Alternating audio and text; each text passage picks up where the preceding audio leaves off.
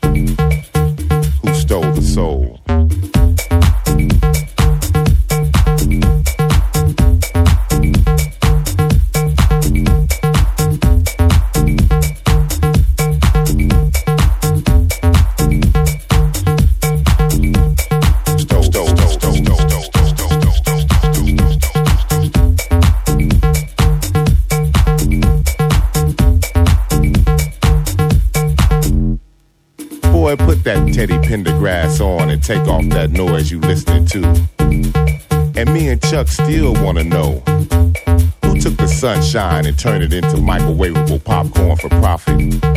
We need more Erykah Badu's and D'Angelo's and less children with no destiny. And I am by no means anti-pop music, simply because pop is not a musical form. But what blares through my box is hollow. Who stole the soul?